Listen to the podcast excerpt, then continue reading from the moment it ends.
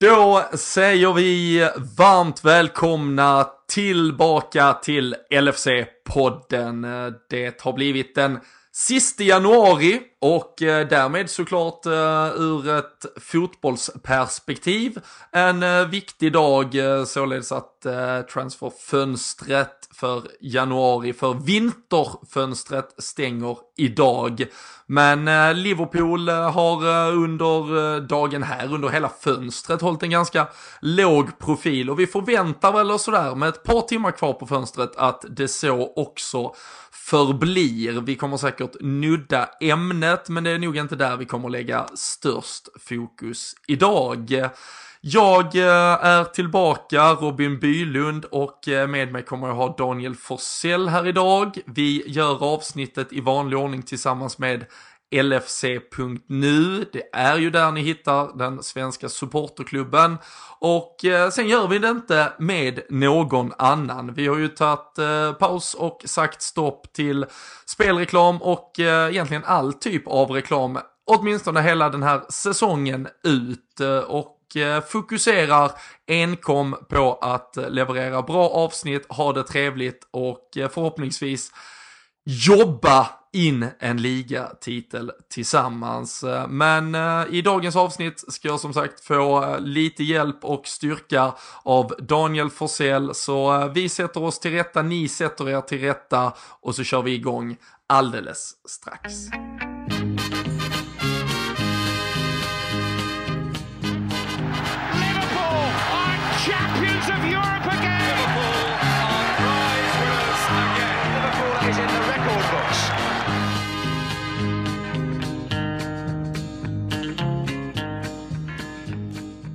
Jajamensan, eh, då eh, hoppas jag att ni eh, har tagit extra skön position, kanske lagt er i soffan eller om ni är lite sådär januari-hurtiga så kanske ni är ute på någon löprunda eller promenad. Daniel Forsell, om du får välja mellan soffan och en härlig promenad, vad väljer du? Jag vet ju att du är i sån jäkla form nu eh, gällande nyårsträningen här. Den har hållit i sig länge för dig hela... Eh, längre än, längre, längre än vanligt. Det kanske är silly season, den avslutas idag kanske. Vem vet? Nej, jag håller mig till soffan än så länge. Väntar på lite varmare bitar. Vi har haft eh, en jäkla massa snö här uppe i... Ja, för dig är det ju lite Norrland att komma till Borås medan det fortfarande är kanske lite mellersta eller södra Sverige för många då. Men eh, nej, vi har så mycket snö så jag håller mig inne ett eh, tag till i alla fall. Jag vet, jag men vet du är igång. Det vet ja, ja, men absolut. nu för tiden. Men äh, kan ju vara något, äh, någon mental äh, smäll man får här när fönstret stänger och inga anbud har kommit trots att man har hållit formen så här bra. Så... In, inte ens som mittback i Liverpool. Nej, det, och då vet man. inte ens som högerback till och med. Så, ja, du kommer väl in på det. Ja, ja men absolut. Och ja, men vi får väl se. Fin, finns någon form av målsättning att man ska hålla igång träningen fram till att vi ska öla i München i mitten av mars i alla fall. Vi får väl se om det kan, eh, kan hållas vid liv eh, och om det då kan ska, bli någon... då, då ska jag fördärva dig. Ja, men det, det, det är det, du får hålla i tills dess. Det är lite, lite målsättning att liksom ha, ha byggt ett, eh, ja, men ett kapital på något sätt så att man har råd med en livsförlust där på något sätt helt enkelt. Så, nej, det, nej. det handlar om att finna lite balans och som sagt, Liverpool behövde också verkligen hitta lite balans eh, i laget igår eh, blev ju på något sätt en, eh, ja, men en väldigt märklig kväll mot, mot Leicester hemma på Anfield här. Onsdag kväll när Premier League då för, för Liverpools del åter var igång igen. Det var ju 10-11 dagar sedan sist och det var ju dels liksom ett långt uppehåll på, på något sätt. Det hade ju varit ligacupspel, FA-cupspel, vi var utslagna ur båda de turneringarna ett Manchester City som då medan, medan vi var på läger, eh, vilket vi också ska återkomma till, eh, spelade, liksom de hade matcher var, varannan var tredje dag i stort sett och sen gick de då på pumpen mot Newcastle i tisdag så när vi då går in till den här matchen mot Leicester så är det liksom eh, plötsligt från, från ingenstans egentligen med, med chansen att gå, ja men gå sju poäng upp i toppen. Vi, vi har som sagt en, en lång vila, men vi har samtidigt en skadeskjuten trupp som det visar sig att vi inte riktigt får ihop. Vi tvingas spela Jordan Henderson på högerbacksplatsen. Eh, och så ett snöoväder på, på det mm. dessutom. Va? Hur var liksom, din, det, liksom så här, det mentala ingångsvärdet ur ett supporterperspektiv? Var, jag vet att du skrev på Twitter att det fanns verkligen två sidor av myntet när du liksom satte dig till rätta inför den här matchen. Hur, vad landade du i när domaren blåste igång det? Nej, men så, så var det ju. Jag kan ju. De som inte har sett det kan ju friska upp det lite. Att det var väl så här jag resonerade lite efter. Eh, man kikade på Newcastle City där när vi, när vi verkligen fick en eh, present av Benitez. Eh, när de tvålade dit City och, och satte oss liksom i pull position för att kunna rycka ytterligare. Och det var väl lite det jag kände då att många tyckte väl att den här matchen på något sätt blev än viktigare, alltså att det blev en ännu mer av en final än vad det redan var. Eh, där jag kanske någonstans då kände att nu när de ändå har förlorat och spelat innan oss så, så är ju även ett kryss faktiskt en utryggad eh, det kanske var en liten jinx av mig där att nämna krysset på förhand, men det, jag kände redan då att det var ju liksom en utryggad ledning. Men att vi givetvis Alltså på förhand kände jag ju att det är ett guldläge. Det är klart vi måste ta hand om det. Men eh, snarare så, det alla kanske hade räknat med, det var väl att det skulle vara fyra poäng innan och fyra poäng efter genom eh, två segrar, en för City och en för oss. Nu blev det ju inget av detta, men det var väl där lite som jag ändå började tycka att många kanske blåste upp det lite för stort att liksom, ja, vi vinner ligan i stort sett bara för att vi, att vi vinner den här matchen. Och det är fortfarande jäkligt långt kvar. Sen är det klart att vi hade haft ett bättre läge, det går inte att komma ifrån.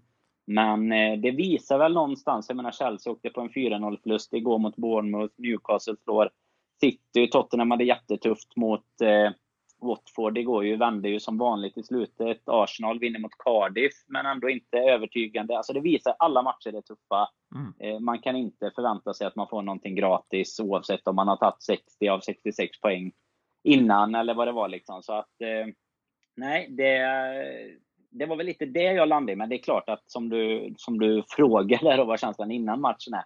Det är ju ändå givetvis att vi, att vi har världens läge att rycka lite ytterligare sen när den här startelvan kom så var jag väl ändå positiv. Jag ska inte säga att det, det drog ner mig så mycket, men jag var väl lite fundersam på hur, eh, hur det faktiskt skulle ställas upp. Om det skulle vara Henderson som högerback, det hade jag inte riktigt räknat med, även om det var det som man kände att eh, alltså de, de officiella kanalerna pumpade ut. Det var liksom, han var ju med i de första fyra där efter Alisson, så att det kändes som att det var han som skulle vara, vara back, eller om det skulle bli en trebackslinje eller vad man kunde tänka sig. Men vad, vad hade du för känsla där när laget väl kom? För jag, jag tror väl att du var väl en av dem som ändå kände att, eh, som, som jag också givetvis någonstans kände att det är ett guldläge man hamnar inför när man får lite skänk från ovan. Men City-matchen där, ja, vi skulle nästan spelat in efter den matchen istället. Då var man ju taggad som fan och nu känner man sig lite så här besviken och frustrerad istället här ett, ett dygn efter våran match då. Ja, nej men precis och det var ju klart att, och det är väl också lite alltså, i, i lärdomen av va, va, vad Liverpool historiskt har kunnat utsätta en för i eh, form av både hjärtsvikt och, och, allt möjligt annat så är det väl kanske att man liksom försöker gripa det där halmstrået av att ja, men av att göra någonting enkelt. Vi har pratat om det tidigare här under säsongen att det gör ju aldrig Liverpool och det, så är kanske fallet och, och så bevisades väl på nytt där i, igår, även om vi då ja, tar en poäng så att säga på, på City i den där tabelltoppen så, så var det ju ändå ett ypperligt läge. Och eh, jag skrev i en krönika idag på LFC.nu som vi kan, vi kan återkomma till sen för det är säkert många som läser både där och lyssnar här och eh, jag, jag har förstått att den har tagits emot med ganska mycket, eller kanske tron av att jag är mer negativ än vad jag var kring eh, insatsen igår. För det jag såklart verkligen hoppades var ju ett Liverpool som, som skulle ta vara på chansen. Vi har ju varit helt fenomenala på att ja, men, ta alla de här segrarna som har behövts. Vi har ju vunnit varenda match mot varenda motstånd utanför topp 6-gruppen så att säga. Vi har ju även då i den där topp 6-gruppen faktiskt vunnit det mesta också som har ställts framför oss. Vi har ju liksom, det finns ju ingenting egentligen i vår ligasäsong att kommentera över överhuvudtaget. Det man kanske kan ja men sådär gräma sig över, det var ju att vi inte löste minst ett kryss på Etihad, eller rent av vann. Då hade vi varit 10 poäng före City redan där och då. Och nu fick vi ändå ett sånt här nytt läge att faktiskt göra det lite, lite svårare och vi ska inte kalla det säkert, men lite, lite säkrare, eller åtminstone behagligare för oss själva för en tid framöver. Nu tar vi som sagt en poäng mer än vad City gör, vi leder ligan med fem poäng. Vi kan reellt sett ja, förlora en och spela ett kryss eh, och då blir det en målskillnadsaffär. Baserat på att City faktiskt också gör helt rent. Nu pratar ju Pep Guardiola efter matchen mot Newcastle att det är vad han förväntar sig att de ska behöva göra för att ens kunna störa oss och, och så är ju mycket väl att det kan vara fallet. Men eh, det var ju, ja, en frustration över att vi inte tog vara på chansen. Sen samtidigt så liksom lägger man allt på bordet så vi gör ett jättetidigt mål där man då än mer tror på att vi ska kunna lösa det. Men ja, det gjorde ju faktiskt City och ännu snabbare därtill dagen före mot Newcastle när de tar ledningen med 1-0 tappade till 2-1. Och det var på extremt svåra, svåra förutsättningar den här matchen spelades. Man märkte att vi inte alls trivdes med underlaget. Vi fick inte fart på bollen. Allison blev än mer utsatt än vad han själv gärna själv gör sig så att säga. Och vi fick inte fart på vårt, vårt spel överhuvudtaget. Och, och Leicester lyckades faktiskt väldigt bra med att utnyttja ja, men sin tyngd, sitt huvudspel, sin styrka. Det blev den typen av match där man kunde utnyttja det. Eh, vi har inte domaren på vår sida. Claude Poel har vi sett under flera, flera år egentligen, ända sedan han var i Southampton. Till och med har han varit med Lyon och gjort det svårt för Liverpool också om vi spolar bandet jättelångt tillbaka. Så det var kanske en sån där match som vi absolut inte skulle förvänta oss att vinna.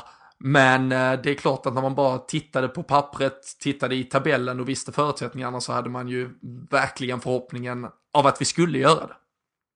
Absolut, och jag tror väl att den eh, skillnaden också som, som man ändå kan ta med sig som eh, Alltså Klopp tycker jag är bra efter matcherna och sådär och säger att vi fokuserar, alltså både innan och efter, att vi fokuserar på våra resultat, det är det vi kan göra. Han ger lite beröm till Leicester och sådär, ändå känns eh, jordnära och bra på det sättet tycker jag. Men det som du är inne på ett bra spår med Guardiola där tycker jag att Alltså lite problematiken är att vi inte utnyttjar den här situationen ger ju dem lite mer Alltså det, det, ger ju såklart lite förtroende eller självförtroende hos City-spelarna också att de känner att Liverpool eh, går faktiskt inte att krossa Leicester när de väl fick chansen. Eh, jag kan tänka mig att eh, det är väldigt mycket viktigare med Champions League för City till exempel. Vilket hade gjort att skulle det bli några poäng nu, nu har de ganska tufft schema med Arsenal, Everton och Chelsea här framöver. Så hade ju faktiskt ett läge uppstått där vi kanske hade kunnat nyttja ytterligare några poäng och då kanske deras fokus framåt våren hade blivit att Champions League är första prio, men vi, givetvis har de en truppbredd för även ligan då. Men nu känns det som att i och med att det då utökas med en poäng, men ändå inte så mycket som vi kanske hade hoppats. Det är ju ändå en skillnad på att vi hade haft sju poäng och då kanske ja, två förluster som vi har råd med då jämfört med, med en förlust och ett kryss. Om man nu ska, ska liksom mm. spela med poäng och siffror och så, så är det klart att det är en stor skillnad och framförallt hade det ju varit en jäkla vad, vad, kallar man, nu tappar jag typ ordet, men det hade varit en push och eh, visat liksom för allihopa att eh, okej, okay, vi fick chansen, vi vann med 4-0, vi körde över Leicester, som vi gjorde första kvarten där typ. Mm. Att kört så hela matchen så hade ju folk typ gett upp och känt att Liverpool kommer vi ändå inte rå på. De, de tar alla chanser de får. Men eh, nej, du var inne på det, det är vi inte vana vid och inte så heller denna gången. Nej, precis. För jag, nej, men det är extremt mycket liksom signalvärden, tror jag. Jag tror du är inne på helt rätt spår. Som sagt, 4-0 rakt ut där, pang boom. Nu leder vi med 7 poäng. Nu ska ni gå upp mot, du nämner det, Arsenal hemma, Everton borta, Chelsea hemma inom loppet av sju dagar, söndag till söndag nästa vecka. Vi ska möta West Ham och Bournemouth över till er City. Klarar ni av att gå rent där och, dessutom, alltså, och dessutom måste ni sitta och hoppas på att vi ska tappa poäng i, på pappret då återigen, matcher vi ska vinna. Um, en extrem press på den, den ligger fortfarande helt och hållet på dem. Men återigen det där, vi hade kunnat sätta en enorm press på dem och skulle de dessutom gå på ett till poängtapp i den här kommande veckan, vilket trots allt bör ses som någonstans möjligt ifall de ska tappa poäng någon gång till under säsongen så är detta nog den tuffaste Premier League-veckan de i alla fall har på pappret.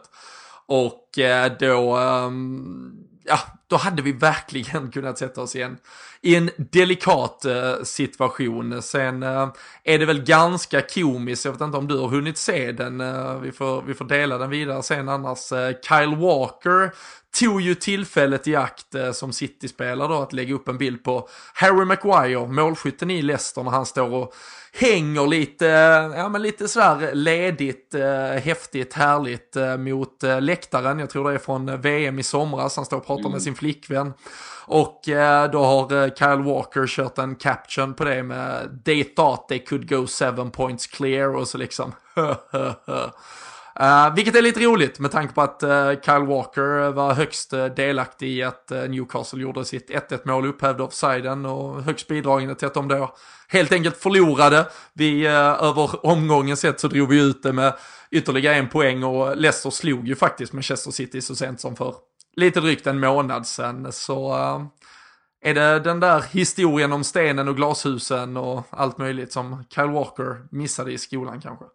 Så kan det mycket väl vara. Han har ju varit ute och svingat på sociala medier innan vet jag. Just den hade jag faktiskt inte sett, men jag har sett en annan sån caption med, med den bilden faktiskt. När det var någon som skrev typ eh, “Yeah, just single-handedly” eh, ja, typ löste att det blir ett title race eller någonting ändå. Uh, så samma bild har jag sett, men inte just Walker. Det var någon mer okänd som hade lagt upp just den.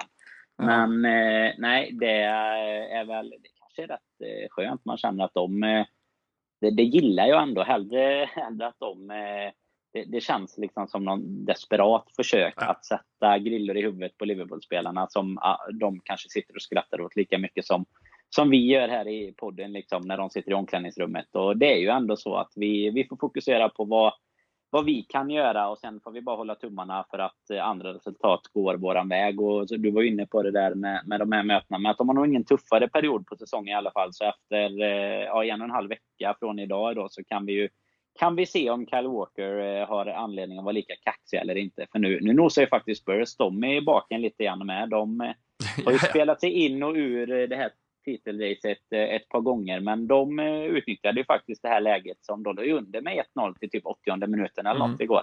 Som så vanligt. de utnyttjade som läget. Vanligt. Precis, och så vände de. Ja. Så att eh, de är väl, är det så att de är sju poäng bakom nu va? Precis. Och så, ja, så det är ju nära City med, så de kan göra upp om andra platsen. Ja, precis. Eh, Hong Min Son eh, åkte ju eh, överraskande ut ur det um, asiatiska mästerskapet. Han hann ju knappt åka dit, han skulle ju bara dit och spela slutspelet för Sydkorea. Ja. Så fick de en övertidsseger mot Bahrain och sen åkte de ut mot Qatar om jag har gjort mm. min eh, läxa rätt på asiatiska mästerskapet där. Så, så han var åter tillbaka, målskytt eh, var väl han som kvitterade till 1-1 mm. då. Mm. Tror han har gjort eh, 17 matcher på 59 eh, dagar. Han har spelat i snitt eh, två matcher i veckan i åtta veckor på raken ungefär. Så ehm, det är väl bara en tidsfråga innan hans baksidor smäller också. Eh, med tanke på hur skadesituationen ser ut i Spurs. Men de de hankar sig sannoliken fast och ehm, ja, det, det, är väl ämne för en annan podd men eh, de fick ju också offra kanske de inhemska kupperna vilket vi pratade lite om i, i början på det här året när vi möjligen åsidosatte FA-cupen en hel del.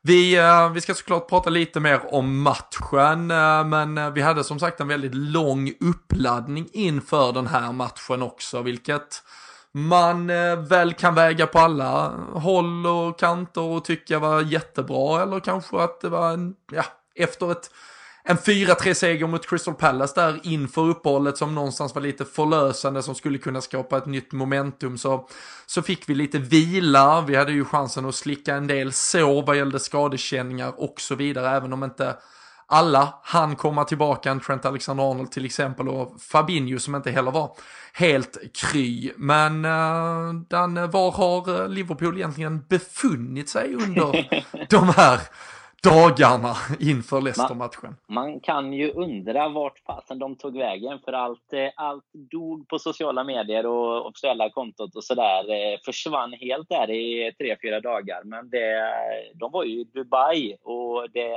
har ju egentligen inte slått mig så mycket. Man läste ju det någon gång innan de åkte att ja, de ska åka dit eh, på något läger då. Eller det var liksom, kom ändå ut lite från välinitierade journalister. Men sen har det blivit en jäkla snackis efteråt nu i och med att, eh, ja, det, det, är liksom en debatt kring varför, i stort sett är väl debatten kring varför man bara typ då försöker mörklägga att man har åkt dit. För det är ju klart att det är eh, kontroversiellt är det väl inte att åka dit egentligen, utan det kontroversiella är väl att man verkar vill, inte vilja berätta att man är där. För jag menar, alla klubbar i stort sett och varenda semesterfirande fotbollsspelare åker ju till Dubai oavsett om du spelar i Superettan eller i, i mm. Premier League känns det som. Men det stora är väl att det, det känns lite så konstigt eller eh, att, att man liksom typ vet att nej men det här är inte okej okay, eller moraliskt rätt ungefär. Men eh, ja, ändå är det ju inte på något sätt någon hemlighet att de har varit där. Så jag, jag fattar liksom, dels fattar jag inte grejen med det, sen fattar jag inte riktigt heller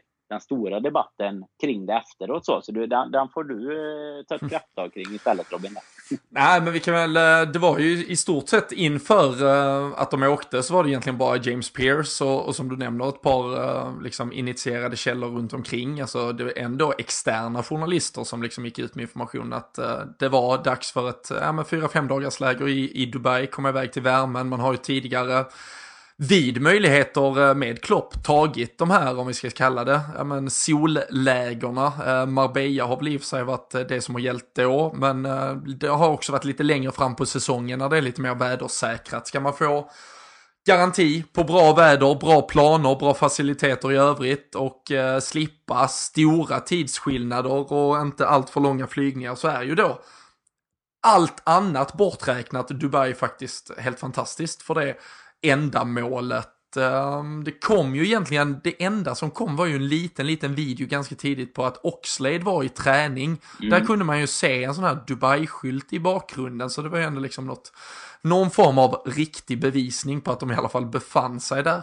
Men eh, annars verkar det ju då ha varit locket på helt och hållet eh, från klubben. Man har inte rapporterat eh, från klubbens sociala medier. Man har uppenbarligen bett spelarna att inte heller kommunicera någonting.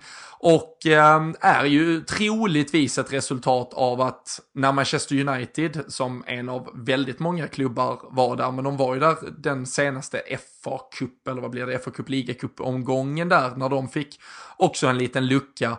Och eh, sen fick väldigt hård kritik från bland annat norska Amnesty såklart med Ole Gunnar eh, koppling således. Men, och där Viktor eh, Lindelöf också fick eh, utstå en del, han var väl en av de här spelarna som la ut ja, men, mysiga solnedgångar och det var allt annat möjligt fantastiskt. Eh, Salt Bay har vi redan pratat om tidigare, det berömda guldmarinerade köttet och så vidare. Men eh, då var det ju en diskussion om att spelare och liksom de är trots allt förebilder som då ja, men ändå sprider en ganska positiv, om vi ska kalla den propaganda, men en, i alla fall en, en bild av eh, en fasad av ett eh, väldigt liksom välfungerande och, och, fint samhälle som, som det såklart är i den miljön som de här spelarna och människorna befinner sig, men där det såklart också finns en baksida.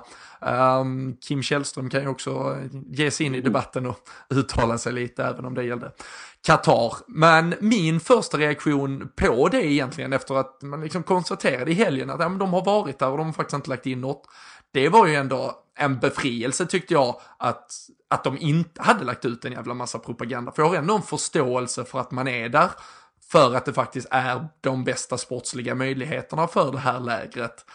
Men uh, ja, man kan ju såklart snurra det ett varv till och då tycka att om, om de inte kan stå för att de är där, om det är det man vill påstå, så är det kanske fel att överhuvudtaget åka dit. Eh, var, var liksom landar du i, i vågskålen av att, ja men fan, åk dit och flåda på och bra, liksom bara bre på med att ni älskar Dubai kontra med att försöka i smyg befinna sig inom det här fiende-territorium som det då ska vara för omvärlden?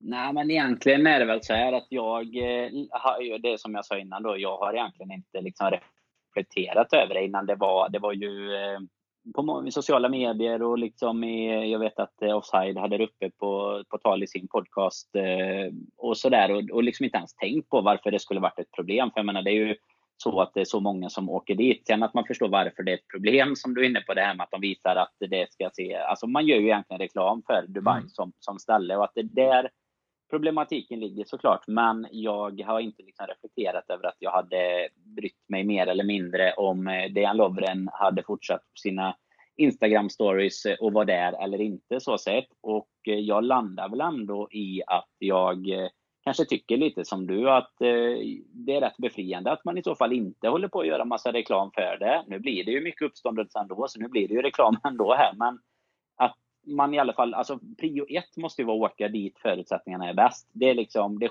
alltså omoraliskt eller inte, åk dit där ni tycker att det funkar bäst. De har ju givetvis eh, alltså sådana anläggningar som inte går att jämföra med heller, eh, som du är inne på, värdemässigt nu heller mot andra ställen. Jag vet att eh, AIK bland annat hade ju varit där, deras ordförande fick ju frågan. Mm. De stod väl mer för det om man ska kalla det så då, men de han sa ju egentligen bara att det är där förutsättningarna är som bäst och det är därför vi åker dit. Sen förstår jag att folk kan tycka att det är omoraliskt eller vad det är, men finns de bästa förutsättningarna i Dubai så åker vi till Dubai. Annars hade vi varit någon annanstans. Liksom.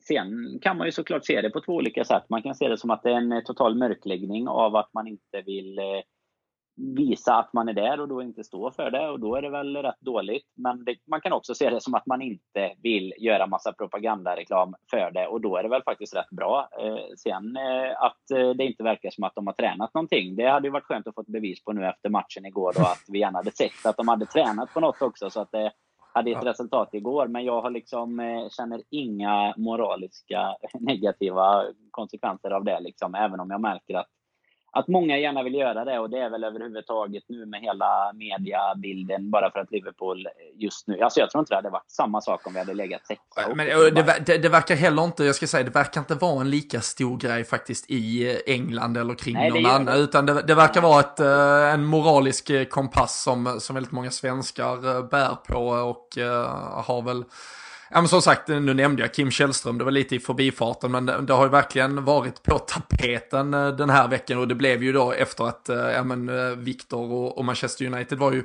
uppenbarligen lite då involverade i det här senast. Jag tycker väl, jag landar ändå i att jag tycker det är helt rätt. Och, alltså, om vi ska börja liksom eh, blanda in alla moraliska skrupler i den internationella fotbollen så kan vi egentligen lägga ner verksamheten. Ja, då är det alltså, andra ställen ja, vi kan börja på. Ja, men vi kan, vi, det, det, finns en hel del att lägga ner då som vi måste, måste alla upp på barrikaderna för. Men jag tycker att klubben hade säkert kunnat göra det lite snyggare genom bara, ja, men vi åker iväg till Dubai, de har de bästa förutsättningarna, vi är inte där för någonting annat. Och så stått upp för det.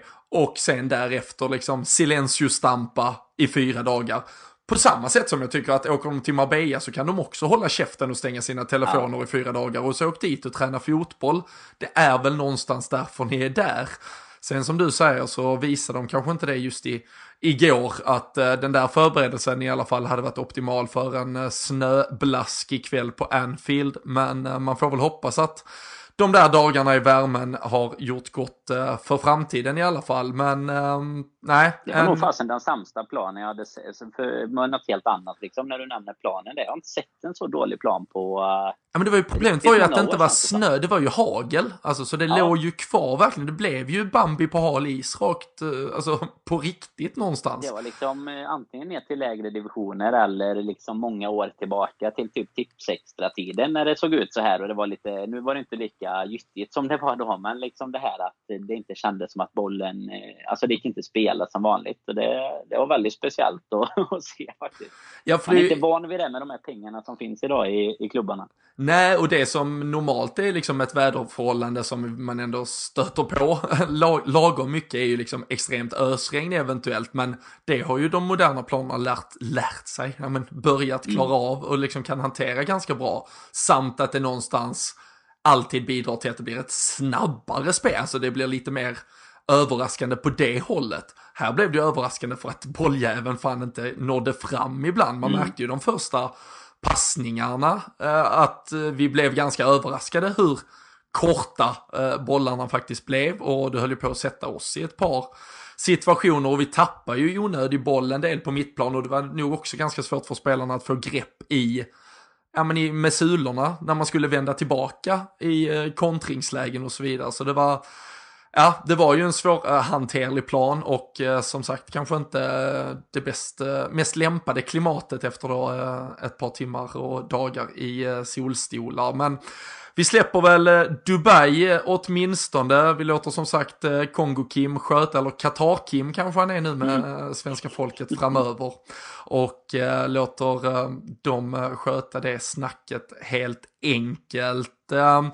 Vi, vi fick ju annars, vi fick 1-0 eh, tidigt av eh, Sadio Mané. Vi har varit inne lite på eh, den startelva det blev. Det blev Jordan Henderson som sattes ner i en högerbacksposition.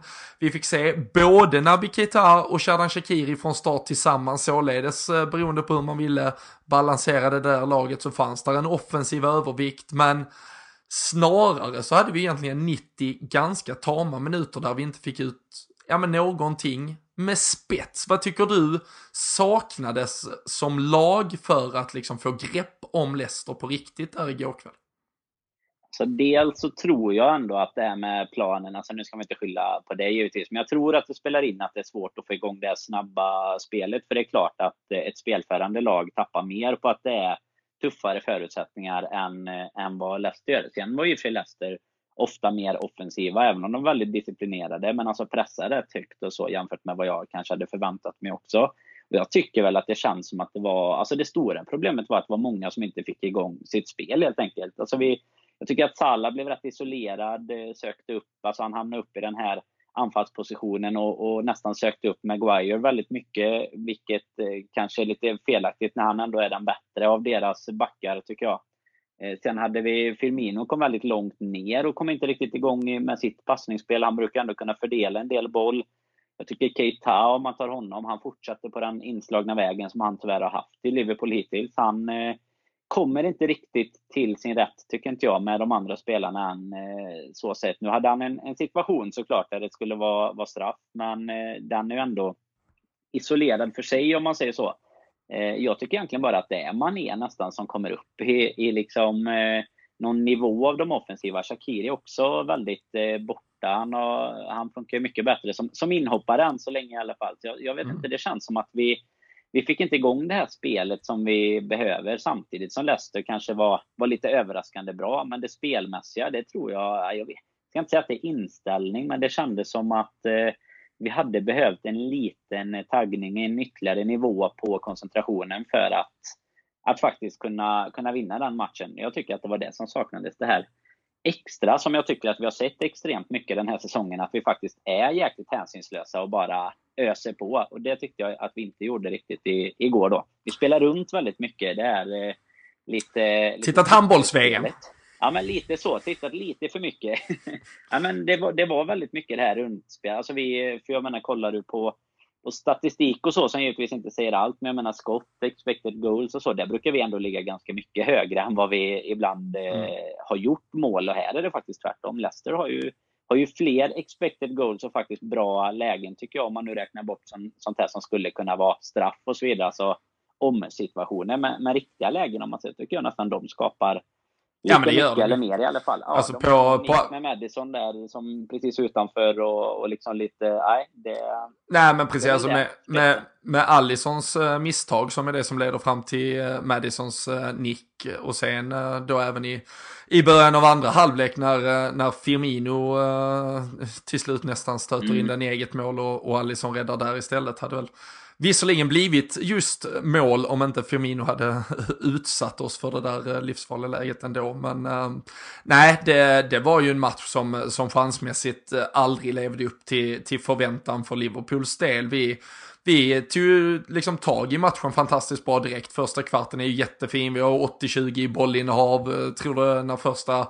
skylten med passningar kom upp så hade vi väl en 144 och Leicester hade 23 liksom efter mm. en kvart. Så vi, vi hade ju egentligen fullständig kontroll på det, men, men det känns sen som att vi plötsligt, ja men vi faller ner i en liten, de, det brukar, det finns väl någon så här, eh, ja men uttalad eh, approach ibland kanske från ett bortalag att ja men första kvarten åker vi dit och spelar så här, sen försöker vi lyfta upp och lite mer spela vårt eget spel. När Leicester flyttade upp lite och när bollen som sagt inte flöt så bra på planen som, som Liverpool önskade, man fick inte riktigt fart på det. Och framförallt tror jag när vi har den här backlinjen, och det vet jag, det har till exempel Pep Guardiola pratat om, Jürgen Klopp, tror jag, med, med bara den här liksom starka visionen av att värva Virgil van Dijk har tänkt exakt likadant. Så, så handlar mycket om i det här höga pressspelet som, som Liverpool och, och i viss mån Manchester City vill spela, så handlar det om att sen ha en så otroligt trygg backlinje att när lagen lyfter långt mot dig, vilket de kommer att behöva göra för att komma förbi din både första och andra press egentligen, så måste du ha en stabil stor mittback som kan hantera allt det där. Nu satte istället Leicester väldigt mycket boll på det som blev liksom ett högerförsvar med, Matip och Jordan Henderson, vilket gjorde att Leicester helt plötsligt kom ur ganska mycket av det där trycket när de väl ville det. De kunde ställa om där, de använde sig av Madison, de använde sig av eh, Gray, de använde sig av Ben Chilwell som är jäkligt bra på den kanten. Och de hade ganska lätt för att faktiskt ja, men komma in i matchen helt plötsligt, även om de liksom aldrig på något sätt tog över den. Men de fick alldeles för många möjligheter att ändå andas ut och skaffa sig lite, ja, men skaffa sig lite andrum och lite möjlighet att känna att de, de var med i matchen. Vilket jag tycker man har sett på många av de, inom citationstecken, mindre lagen inte har fått chans till när vi har spelat med den ordinarie backlinjen. För då har de kunnat lägga upp den och sen har vi bara BAM! Vunnit, satt upp den igen och så har det varit ny press. Och då orkar man inte. Leicester fick lite för mycket andrum, var min känsla.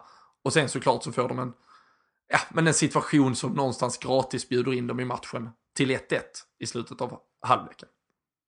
Så är det ju. De, eh, utan det målet är ju frågan om de hade... Alltså de, jag tycker Leicesters bästa period annars i matchen är början på andra halvlek och kanske första lika väl som vi hade de här 10-15 i första så, så har de dem i andra halvlek. Och det är väl såklart stärkt av det målet som, som de gör där och de känner att de liksom har eh, klarat av den lite tuffare perioden i matchen. Och eh, faktiskt tycker jag, som vi pratade om, då är minst lika bra efter det sen. Sen har vi ju lite isolerade situationer som vi pratade om innan. Vi har en, en straff som kanske kan gå vår väg. Du och jag debatterade lite igår eh, huruvida Maguire skulle ha ett rött eller gult kort. Eh, för en gång skulle var det du som var kanske den nyktra av oss och tyckte att det var, ett, att det var mer av ett gult kort. Det brukar ju, eh, brukar ju annars vara mm, jag vet inte, du har ja, mognat i de diskussionerna. Ja, men du tyckte inte det var straff på Sala och du, jag var ju förbannad liksom. Och... ja, men jag, jag, jag, jag, har, jag har försökt ta på mig uh, nykterhetsglasögonen till domarinsatserna den här säsongen och uh, länge kunde jag ju någonstans upprätthålla lite försvarstal för uh, Martin Atkins. Så jag, jag tycker inte det är straff uh, i den situationen där Sala vänder vänder om, så att säga, för, för han gör den eh, riktningsförändringen och vill springa åt ett håll där det faktiskt är spelare. Sen, sen är det höga armar och det träffar i, i huvudhöjd och så vidare. Men jag tyckte vi såg lite liknande situationer med till exempel Sterling mot eh, Andy Robertson typ tre gånger i matchen mellan Liverpool mm. och Manchester City där, där, jag, där jag verkligen hade blivit fly förbannad om Sterling får det för liksom, man kan inte bara eller jo, man ska såklart kunna, men är du så duktig så vänder du så snabbt och är det då plötsligt en spelare som bara står där så, så kan man inte riktigt eh, få straff av det, eh, enligt min mening. Sen, sen tycker jag väl inte heller att man kan, jag vet, jag hade i alla fall i, ur ett Liverpool-perspektiv blivit alldeles jävla galen om vi hade fått ett rött kort i den situationen där Maguire, otroligt rutinerat, eh, drar ner Mané, bollen spelas trots allt ganska diagonalt ut mot kanten, jag har inte dubbelkollat det nu, men om det är Ricardo Pereira som är kvar, uh, eller om det är Johnny Evans, uh, men det är, är ju en spelare till utanför i alla fall som Visserligen ska då gå i en löpduell mot Mané och troligtvis hade förlorat den duellen eftersom Mané är eh, för, förbannat jävla snabb. Men, men det är också så här, om och men och plus och kanske så, så hade Mané varit helt fri någonstans ska det vara ett direkt eh, rakt friläge för att det ska vara ett rött kort. Sen kan man ju då tycka att regeln ska ändras eh, och att det är så pass mycket cynism och eh, att det är så jävla odrägligt ändå så att han borde ha åkt ut. Men eh, där tror jag att eh, Atkinson ändå eh, var på det torra och eh, kan försvara sig för ledningen.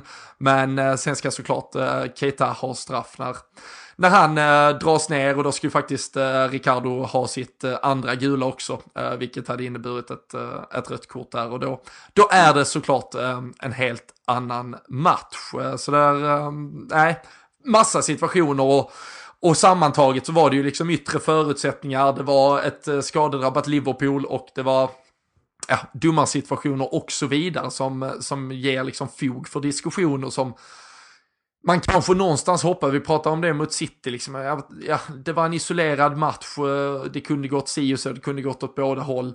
Uh, nu, nu kan vi någonstans gå in och skylla lite på en massa saker och så hoppas vi att vi är liksom skademässigt i en bättre situation redan på måndag, att vi har en Trent Alexander-Arnold tillbaka på högerbacken, att vi har en Fabinho tillbaka på ett mittfält, vilket gör att vi kan omgruppera lite där. Och uh, för att återknyta till det här jag inledde med att jag hade fått, äh, men, inte bara kritik, jag tror många höll med, men det hade varit en diskussion kring att jag skrev kanske vad som i vissas ögon och öron var lite negativ krönika med då vad många tyckte var lite Aftonbladet rubrik i form av doft av guld blev en unken stank. Och eh, det var väl egentligen liksom att känslan var att det var för mycket av det gamla Liverpool, rent ut sagt också i liksom spelarmaterial på plan. Uh, Joel Matip tycker inte jag är tillräckligt bra för att liksom leda ett lag som ska vinna en liga. Jordan Henderson, han hoppar in och gör det helt okej okay som högerback. Liksom, det finns inget, och det skriver jag också i texten, inget liksom individuellt mot hans prestation.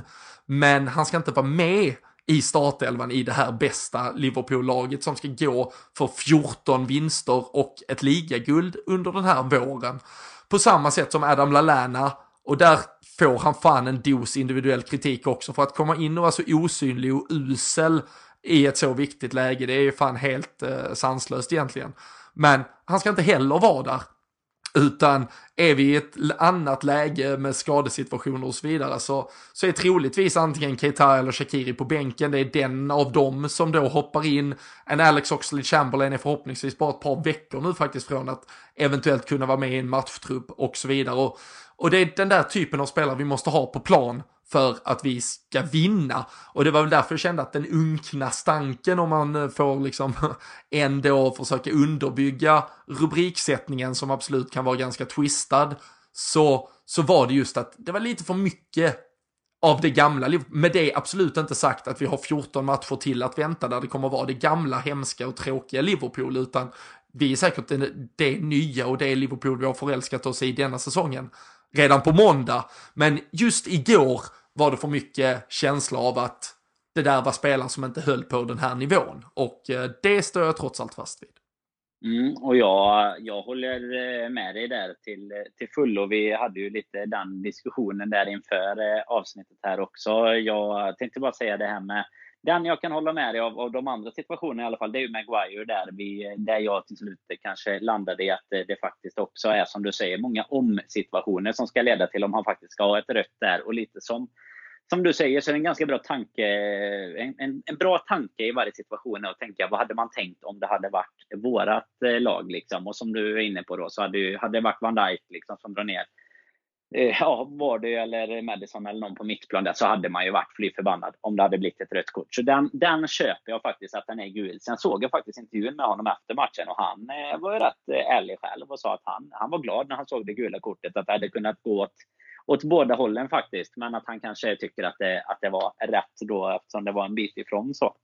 Men gällande det här med spelarmaterialet så tycker jag ju att din eh, det, det, är väl det av krönikan som framförallt jag tycker man kan lyfta fram, även om eh, det är så tudelat bland Liverpool-supportrar eh, både i Sverige och i England, tycker jag. Om, man, om kritik liksom kan vara väldigt befogad eller inte. Vissa tycker i stort sett att man, att man absolut inte ska kritisera någonting, medan vissa liksom redan för eh, några år sedan aldrig ville se Sturridge, Lalana och så vidare någonsin igen. Då. Och Ja, det är väl precis som du säger. Alltså jag tycker också att vi spelmässigt hamnar i... Vi går tillbaks de här tre, fyra åren eh, som vi, då när de här spelarna faktiskt var ordinarie eh, och kanske lite mer på sin eh, peak av karriären, får man väl tro. Men det känns som att spelet blir långsammare. Sturridge kommer in sista tio är det väl ungefär och ja, han får ett skottläge egentligen och försöker göra ett sånt här patenterat skruvmål utifrån där han eh, sätter den en ja, 4-5 meter utanför och över. Det, det, är, det är så hjärndött det beslutet också när han har tre, fyra spelare med sig. Alltså det, det, är så typiskt Sturridge ja. liksom, känns det som. Och det, och det är lite så, eh, det känns alltså det funkade 13-14 för honom att sätta de målen. Men sen dess har det ju, visst han gjorde ett jättefint mål mot Chelsea, det ska vi inte ta ifrån honom. Men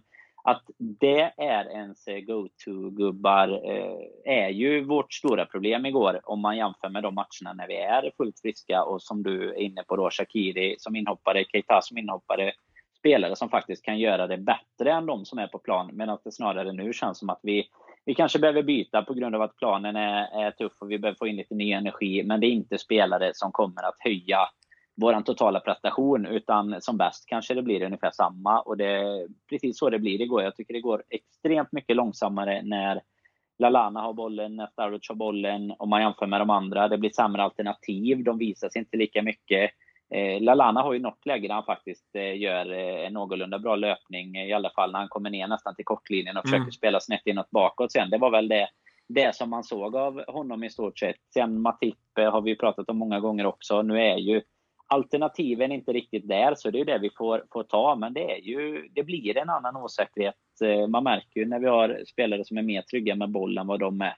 Att vi, eh, alltså mer sammanspelta också såklart. Alltså det märkte man i FA-cupen att eh, när det kommer in många som kanske är på gränsen till första laget men som inte spelar tillsammans, alltså i startelvan någon gång. Det är klart att det är inte lätt att spela ihop. De har inte samma synk som Mané, Firmino och Salah har till exempel. Och, och, det märks så jäkla tydligt och på den här nivån så, så räcker det tyvärr inte om de inte har det.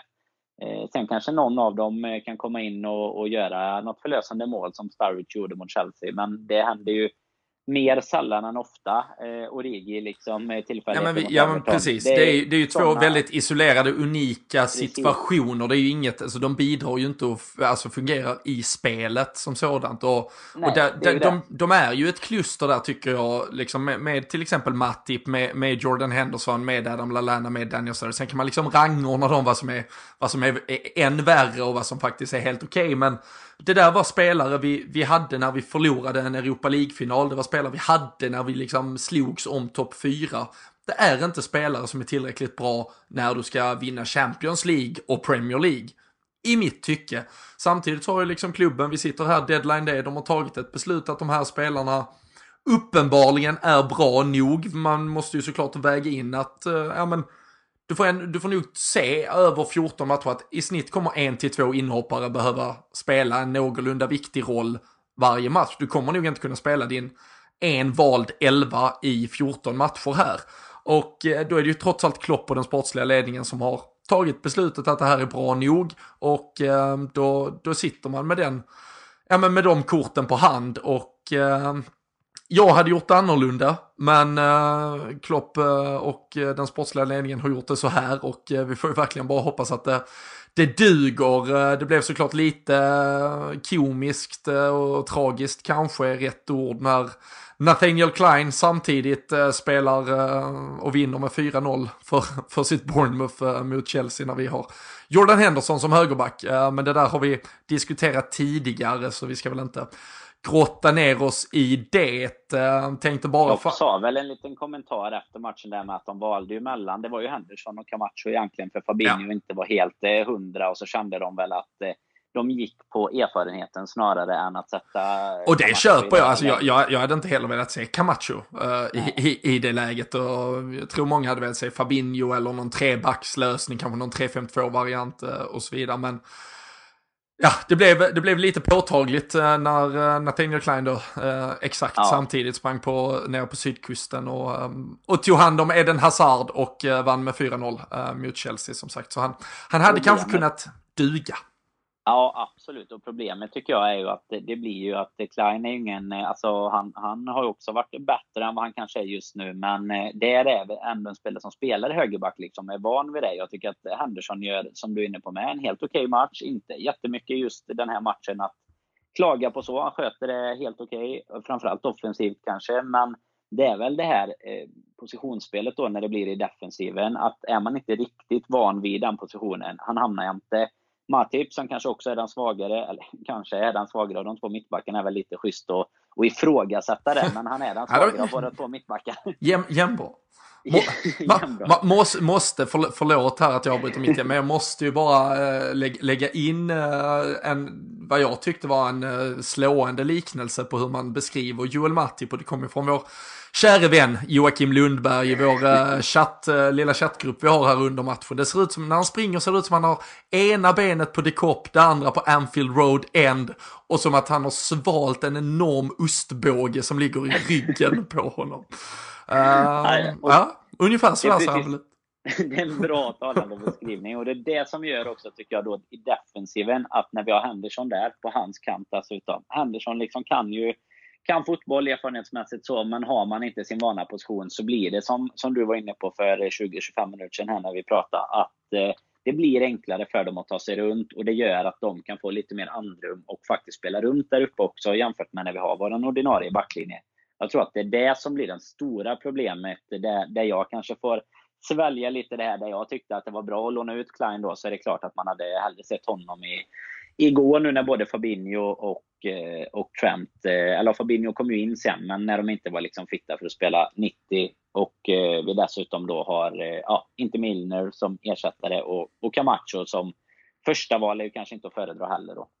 Nej, och där, och där är det ju någonstans liksom om, om man han inte, alltså nu kan ju Jörgen Klopp bygga upp Ben Chilwell och Leicesters vänsterkant hur mycket han vill, men om Camacho inte duger hemma mot Leicester, då duger mm. han ju faktiskt inte i någon Premier League-match alls den här säsongen och då, då var det ju fel att, att, att tro att han var ett alternativ. Så det, ja, lite, äh, lite hyckleri kanske kring äh, då, äh, vad, vad, vad, truppen är värd och beredd att kunna åstadkomma i så fall om, om den faktiskt inte var det nu när, när det var lite kniv mot strupe. Men, men vi hoppas såklart att Trent Alexander-Arnold är tillbaka till på måndag får vi ju sist ut i, i hela Premier League-omgången mm. som väntar nu till helgen. Eh, jag var inne på det, Manchester City, de spelar på söndag, sen spelar de på onsdag igen. Eh, Everton borta, en match som är inklämd på grund av att de annars har eh, ligacupfinal här i slutet av februari. Så den matchen, eh, man trodde kanske att den skulle ligga lite längre fram i vår, men de flyttade fram den till tidig avspark här istället. Och sen så möter de ju Arsenal, eh, eller Arsenal i helgen och sen Chelsea i helgen därpå. Det hinner vi såklart mm. återkomma innan. Vi får väl se när vi dyker upp. Det blir väl kanske där inför att de möter Everton vi är tillbaka. Men um, för vår del Danne, West Ham, eh, det är såklart också en, en på pappret sån där liten slamkrypare ändå, liksom ett, ett eh, West Ham som verkligen blandar och ger, som har höga toppar. Det såg vi mot ett, mot ett Arsenal till exempel i ett London-derby här för en två, tre veckor sedan och sen har de haft djupa dalar efter det också och verkligen humörsspelare. Nu fick Arnautovic, eh, trots att han valde att stanna och skriva på nytt kontrakt och bli vän med fansen, gå ut eh, senast på grund av lite skada, har väl inte kommit någon direkt uppdatering kring det läget. Eh, men annars är det en Andy Carroll och Filippa Andersson, där är ju, där är ju spets på sin dag så att säga. Men hur rädda ska vi vara för att åka till den olympiska arenan i London? Nej, jag tycker att eh, det är eh, Leicester som vi mötte nu och eh, West Ham. Det är egentligen de två lagen som, som har de här topparna och dalarna där de verkligen kan blanda och ge när de har sin dag kontra inte ha sin dag. tar vi Leicester som exempel så hann de ju förlora mot Cardiff emellan att de slog City och Chelsea. Liksom. Det är ju bara sådana aspekter. Och lite samma med West Ham som du är inne på, eh, där eh, de slår Arsenal. Nu förlorade de igår samtidigt som vi spelade med 3-0 blev det väl till slut, eller 4-0 kanske, mot, eh, mot Wolves då. eller om det till och med var i förrgår var det ju. men, det var, ja precis, det var i förrgår. 3-0 ja, blev det. Precis. 3-0 ja. Och det, var, och det är ju verkligen det som är West Ham. Alltså en, en dag när allt sitter, då kan de mycket väl slå oss hemma med, skulle jag tro. Men det är klart att eh, kanske fyra gånger av fem, eller i alla fall tre gånger av fem, så, så om vi kommer upp i vår nivå så är vi ett bättre lag. Eh, utan Arnatovic eh, kan man väl hålla en liten extra tumme för, för jag tycker han är, är kanske den som liksom personifierar hela det allra mest, som verkligen kan vara på, på, äh, på en riktig världsklassnivå när han är som bäst, eh, men också kan vara helt totalt osynlig i 90 plus tillägg. Så att, eh, nej, det, jag tycker att vi ska vara rädda, men det är klart att eh, jämför man då med City så, så är det ju såklart mycket tuffare spelschema som de har framför sig än vad vi har på pappret. Mm. Men eh, nej, det är, eh, det är ändå, jag tycker väl att det har varit ganska angenäma upplevelser på eh, på bortaplan mot West Ham nu. Ja, men det har det varit. Men det är ändå sådär en match. Eh, det är en sån som på förhand alltid eh, tycker jag är eh, Ja, men, ja, det är alltid, känns alltid lite jobbigt, även om det som sagt statistiskt sett har, har sett bra ut. Då. känslan är att vi ofta har fått den i sån här uh, ingenmansland-läge på vårkanten när ingen bryr sig så vinner vi med 4-0 för att uh, West Ham just är så jävla trötta och obrydda och de uh, fortsätter ju personifiera det laget med spelare som Samir Nasri till exempel som också har uh, hämtats in här under under fönstret. Fabianski var väl också lite, han fick någon uh, smäll mot Wolves men ska väl vara tillbaka i veckan.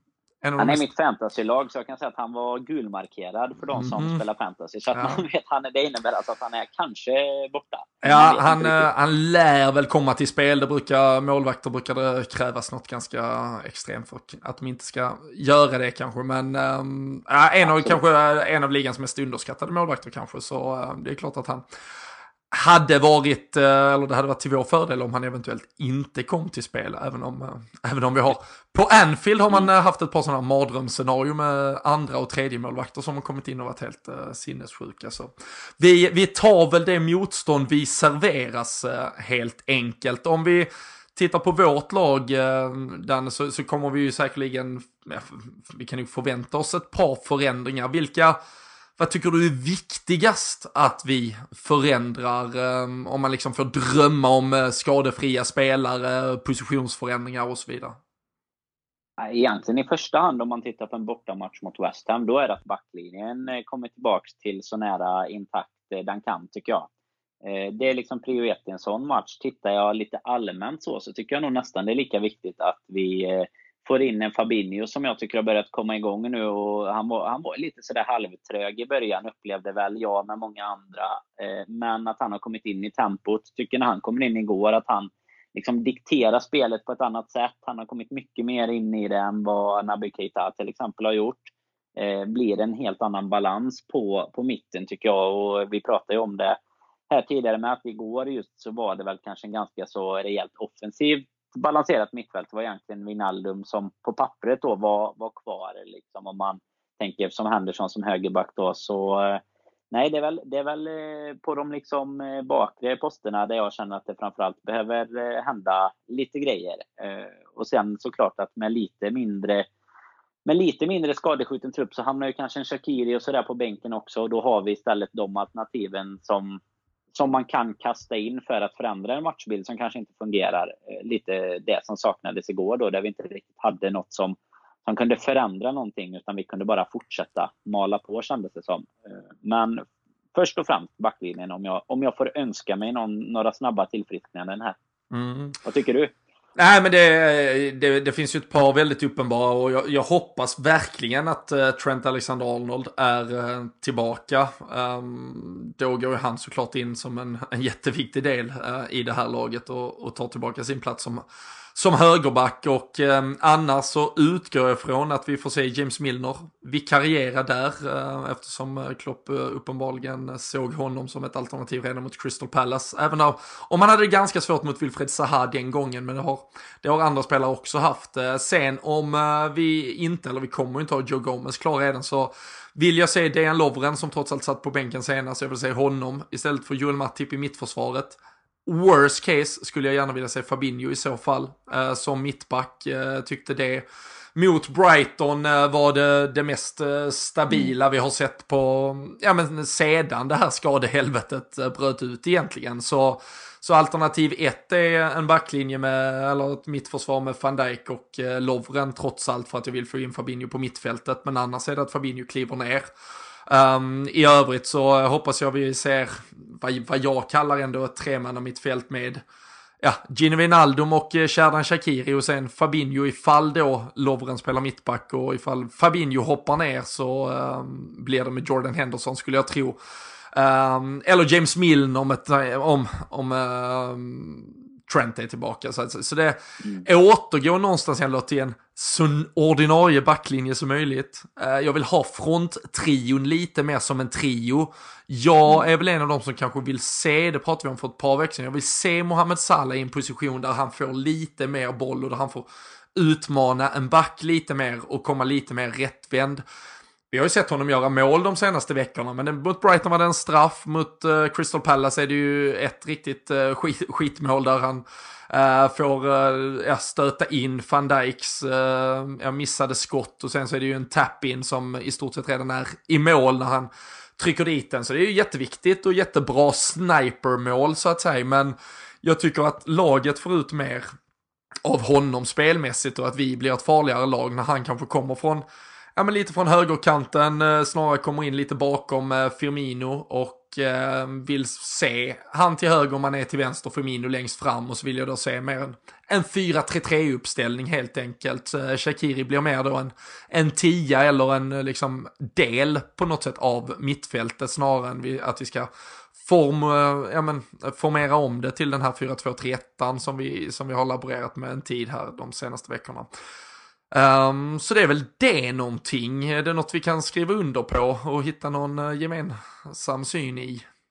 Ja, det kan vi definitivt göra. Just det här med anfallstrion så, så skriver jag under eh, till 100 procent. Och det har jag egentligen gjort hela tiden. Jag tycker, precis som du är inne på där, att det här med Salah, det såg man väldigt tydligt igår, att han hamnar ju ofta felvänd. Eh, är ju inte, alltså jämför man han och Mané med liksom tekniken med fötterna och Firmino ska vi inte prata om, han är, är väl den allra främsta av just det, men då, då, får han liksom mer trockla sig fram Salah och kommer han då felvänd så är det svårt att komma till de här riktigt bra lägena även om han ofta på något sätt lyckas ta sig fram någorlunda, men jag tycker att han blir mycket bättre när han kommer, eh, kanske mot en ytterback som inte ligger på honom riktigt lika hårt. Eh, och framförallt tycker jag att Firmino är väldigt mycket bättre och att laget får ut mer av honom när han ligger centralt där kontra när han tar ner, tar, går ett steg ner. Nu har jag gjort en hel del mål det senaste också, men, eh, men jag tycker ändå att vi fick ut mer av, av dem som eh, den här 4-3-3-trion än vad jag tycker att vi får nu, även om vi givetvis behöver laborera lite. För eh,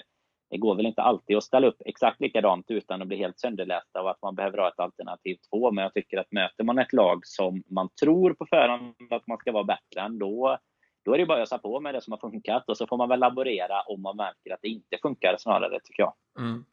Äh, men så någonstans i en uh, realistisk uh, positivitet uh, och tro på vad som eventuellt är tillgängligt så är väl poddens lag helt enkelt en fyrbackslinje med Trent Alexander-Arnold, Dejan Lovren, Virgil van Dijk, Andy Robertson, ett mittfält med Gino Wijnaldum, Fabinho, Shakiri och så den fantastiska fronttrean helt enkelt. Du glömde målvakt bara, vem vill du ska stå? Miggs såklart. Efter Allisons fatala insats igår. Ja, äh, fan. Det, det var hjärtat i alpgruppen några gånger i alla fall, men det var väl inte tillräckligt för att Mignolet ska få chansen riktigt än i alla fall. Nej, han har ju till och med varit ute och, uh, i, uh, i, i media här och konstaterat att han, han vet att han sitter där han sitter så att säga. Han tyckte nog mm. det var svårare att acceptera den där andra spaden när det var bakom eh, Brad Jones, Adam Bogdan och Loris Karius. Nu tror jag att han eh, mest står och ser och lär på träningarna faktiskt. Så det... Lite kul också, eh, det är ju såklart ett jäkla sidospår och vi ska avsluta och avrunda här, men såg ju Fiorentina-Roma innan vår match igår. Calcio-runket vill man ju ändå få sin beskärda del av och helt sinnessjukt att eh, Alisson bara släppte in 28 eh, mål eh, på 36 matcher med Roma förra säsongen. Robin Olsson har ju släppt in 29 på 21 i ligaspelet och släppte alltså sju bollar mot Fiorentina igår. Den backlinjen Roma har är katastrofal. Och eh, vi såg ju det eh, när vi mötte dem, verkligen. Och eh, även där gjorde ju Alisson faktiskt ett par räddningar och de släppte ju ändå in rätt så många mål totalt över det där dubbelmötet. Och för de som då kanske av någon som helst anledning skulle betvivla Alisson så, så visar han även där då där han utsattes kanske för lite mer att eh, men det är ju en ruskigt bra målvakt och eh, han ska vi vara glada att vi har. Eh, med de orden eh, stänger vi igen poddfabriken idag. Det är alltså eh, nu snart börjar det verkligen bli torsdag kväll på sista dagen av januarifönstret. Vi har ett par sista skälvande timmar kvar.